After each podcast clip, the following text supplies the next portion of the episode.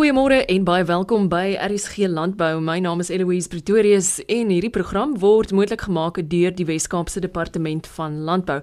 En dis ook waar ons die program afskop. Die departement is 'n sogenaamde Smart Agri Plan het onlangs nog 'n gesogte toekenning ingepalm. Dr Ilse Troutman is hoofdirekteur Navorsing en Tegnologieontwikkeling by die betrokke departement. Sy was ook projekleier van die Smart Agri Plan. Ek het haar uitgevra oor beide die betekenis van die toekenning en wat dit vir Suid-Afrikaners en nie net die in die Wes-Kaap beteken. Eloise die die Smart Agri Plan wat die Wes-Kaapse Departement van Landbou in 2014 begin skryf het, as ek dit so kan noem, en wat in 2016 dan ook aan die bedryf bekend gestel is, um, is die afgelope um, jaar met twee groot toekenninge beloon. En ek wil vandag sê dat hierdie toekennings eintlik die medeskrywers van die plan toekom en dit is ons boere wat toe ons in 2014 begin het met hierdie klimaatsveranderingsplan om die Weskaap meer klimaatsbestand te maak, het ons wyd en suid met met boere gaan gesels oor wat hulle klaar doen. Praktyke wat hulle klaar mee besig is om meer bestand te wees teen die droogte of vloede of haal en dis meer. En ehm um, Ons het die plan klaar geskryf in 2016 om ook bekend gestel en ons is nou in die 3de jaar van implementering. En ek moet sê, ehm um, daar's 'n geweldige belangstelling in die plan. Die plan se naam is die Smart Agri Plan. En ehm um, verlede jaar het ons dan die plan ingeskryf vir die vir die jaarlikse Premier Service Excellence Awards. Dit is 'n 'n 'n prys wat jaarliks toegeken word aan die beste geïmplementeerde projek, program. En daar's 'n hele klompie kategorieë uh waarin die planne en en projekte gemeet word. Ons het hom toe ingeskryf in in soos ek sê in die uh, Premier Service Excellence Award 2018 in die kategorie bes geïmplementeerde projek en ons het daar met die met die goue toekenning weggestap. Maar dit was 'n provinsiale prys en dis 'n plek waar waar departemente met mekaar kompeteer. Op wêreld uh, omgewingsdag 5 Junie was ons baie bevoorreg om uitgenooi te wees na die 2019 Ecologic Awards. En dit is 'n nasionale pryse wat toegekend word vir omgewingsvriendelike praktyke. En daar's verskeie kategorieë van eco innovation, climate change. Daar's 'n hele klomp kategorieë waaraan uh, projekte wat daar buite gebeur gemeet word. En ons was dan baie bevoorreg om weer met goud weg te stap in die kategorie climate change. En die beoordelaars was werklik beïndruk met hierdie plan vir die wyse waarop die regering dan die die voortou neem met klimaatsverandering in die Wes-Kaap en in hierdie geval spesifiek die landbousektor en hoe ons dan 'n padkaart as ek dit so kan noem neergesit het vir die landbousektor om die landbousektor net beter en meer bestand te maak teen klimaatsverandering. Ons weet dat water, klimaat en grond was nog altyd die drie groot uitdagings in landbou, maar met die baie wisselende klimaatsveranderingspatrone en ook um alles wat ons hoor oor oor die die verwagte klimaatsomstandighede wat ons in die Weskaap kan verwag, moet ons regtig onsself gereed maak en ek wil sommer van die geleentheid gebruik maak om dan ook vir vir al die medeskrywers um wat wat saamgewerk het om hierdie plan op die tafel te sit en dit werklik 'n werkbare plan te maak. Vir hulle ook baie te bedank en te sê hierdie prys dra ons ook aan julle op. Ehm um, die plan is destyds aangepak deur die Wes-Kaapse Departement van Landbou soos ek gesê het, saam met ehm um, ons vernoot departement, die departement van ehm um, omgewingsake en ontwikkelingsbeplanning. En dit is ehm um, opgestel deur 'n groep kundiges van die Universiteit van Kaapstad, die African Development Climate Institute. En tussen die drie vennote het ons ehm um, werklike plan neergesit wat ek dink ook internasionaal erkenning reeds gekry het en en dit is werklik vir ons lekker om te sê ons het iets unieks hier in die Weskaap geskryf vir landbou. Die geheim gaan nou wees om al hierdie aksieplanne wat in hierdie groot plan ver, vervat is om dit tot uitvoer te bring. Ek dink wat belangrik is Eloise is dat um, ek wil graag vir die luisteraar sê dat hierdie plan word binne die volgende paar maande aan 'n uh, eksterne evaluering blootgestel waar ons dan in ons departement um, dit sal omtrent die 23ste aksieplan wees wat ons aan eksterne evaluering blootstel. Om te gaan kyk het die plan gedoen wat ons gedink het dit moet doen. En um, ek het 'n baie interessante opmerking gelees. Hulle sê as jy iets aan eksterne evaluering blootstel is om nie net 'n klopjie op die skouer te kry om te sê jy het goed gedoen nie maar ook om kommentaar te kry waar jy nie so goed gedoen het nie en waar jy kan verbeter. So ons hoop regtig die uitslae van hierdie evaluering gaan vir ons ook sê ja, in hierdie aspekte het julle werklik goed gedoen.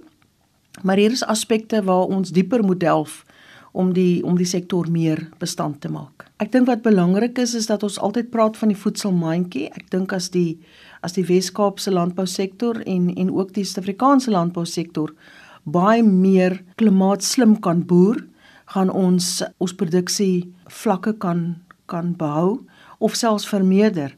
Klimaatsverandering is nie net die slegte nuus nie, maar daar's ook baie goeie nuus. Klimaatsverandering bring ook baie geleenthede van nuwe gewasse wat ons kan plant, nuwe areas wat oopgaan waar ons voorheen byvoorbeeld nie druiwe gesien het nie, sien ons nou druiwe. So daar's die die die slegte gedeelte wat ons moet probeer onsself bestand teen maak, maar daar's ook die goeie gedeeltes, die geleenthede rondom klimaatsverandering. En ek dink vir die manne in die straat is dit baie belangrik om te weet dat die landbousektor werklik hard werk om klimaatslim te boer en om nog steeds die voedselmandjie daagliks vol te hou met bekostigbare en gesonde en goeie kwaliteit voedsel. So gesels Dr Ilse Trautman, hoofdirekteur navorsing en tegnologieontwikkeling by die Wes-Kaapse Departement van Landbou. Lintoute is verantwoordelik vir CISA opleiding en administrasie rondom die CISA tegniese platform. Sy verduidelik die rol van die organisasie in ons land. CISA, die Sustainability Initiative of South Africa, bied 'n platform aan landbourolspelers om etiese en omgewingsvolhoubare handel te verseker. Die CISA-program kontroleer die nakoming van arbeidswetgewing en hoe daarna die omgewing omgesien word. Ons doel is om deurlopend verbetering in hierdie praktyke aan te moedig om sodoende volhoubaarheid te verseker. CISA skakel direk met belangegroepe in elke faset van die waardeketting om behoeftes en kwessies te identifiseer en om hulpmiddels te ontwikkel om lede se nakoming en vordering oor tyd te ondersteun en te monitor. Een van hierdie hulpmiddels is die Beyond Audit afdeling op die platform waar CISA fokus om beste praktyke te bevorder wat verder gaan as slegs wetgewing en die algemene audit op Suid-Afrikaanse plase en produksiefasiliteite. Met hierdie funksie word produsente die geleentheid gebied om goeie praktyke uit te lig in gebiede waar hulle voel dat hulle meer as wat die wet vereis op hul plase toepas en beskikbaar maak. Hierdie program skep nie net waarde toe tot ons Suid-Afrikaanse produsente en verhoog volhoubare praktyke buite die auditproses nie, maar dit gee ook 'n gebalanseerde oorsig oor die dienste en fasiliteite wat deur plase gebied word aan hul werkers. Positiewe praktyke wat op plaas geïmplementeer word, kan op die CISA platform opgelaai word onder die Beyond Audit opsie. Elke praktyk wat opgelaai word, word hersien en bewyse word vereis om te verseker dat hierdie praktyke wel voldoen aan die kriteria wat deur CISA gestel word. Tot op datum het 120 produsente hul Beyond Audits op die platform gelaai.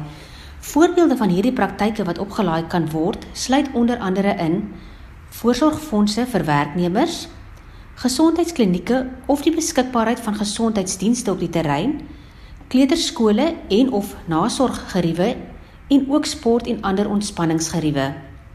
Besoek gerus ons webtuiste by www.cisa.co.za of kontak Cisa by telefoonnommer 021 852 8184 of per e-pos na info@cisa.co.za.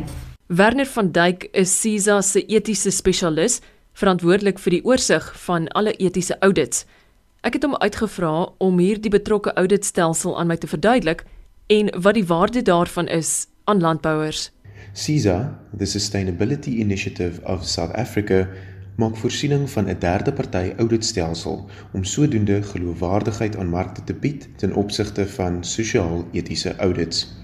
As deel van CISA se audit oorsigplan en ook as ondersteuning vir produsente gedurende sosiale audits, word daar voorsiening gemaak in die auditoorsigplan waar produsente om wanneer hulle nie tevrede is met 'n spesifieke auditbevinding nie, 'n dispuut aan te teken. Dit gee nie alleen net 'n kanaal vir terugvoer nie, maar dit skep ook 'n geleentheid om duidelikheid te gee aan die dele van die wetgewing wat nie altyd reg verstaan of korrek geïmplementeer word nie. Die CISA lid kan dus 'n dispuut aanteken deur direk op hul profiel op die CISA platform in te teken en dit daar aan te dui.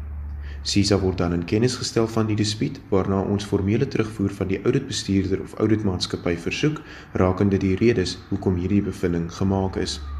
Indien hierdie inligting nie voldoende is nie, verwys ons die dispuut na die CISA ekspertgroep. Gebaseer op die meerderheid se opinie, neem die CISA bestuur dan 'n besluit in opsigte van die uitkoms van die dispuut wat dan gekommunikeer word aan die CISA lid.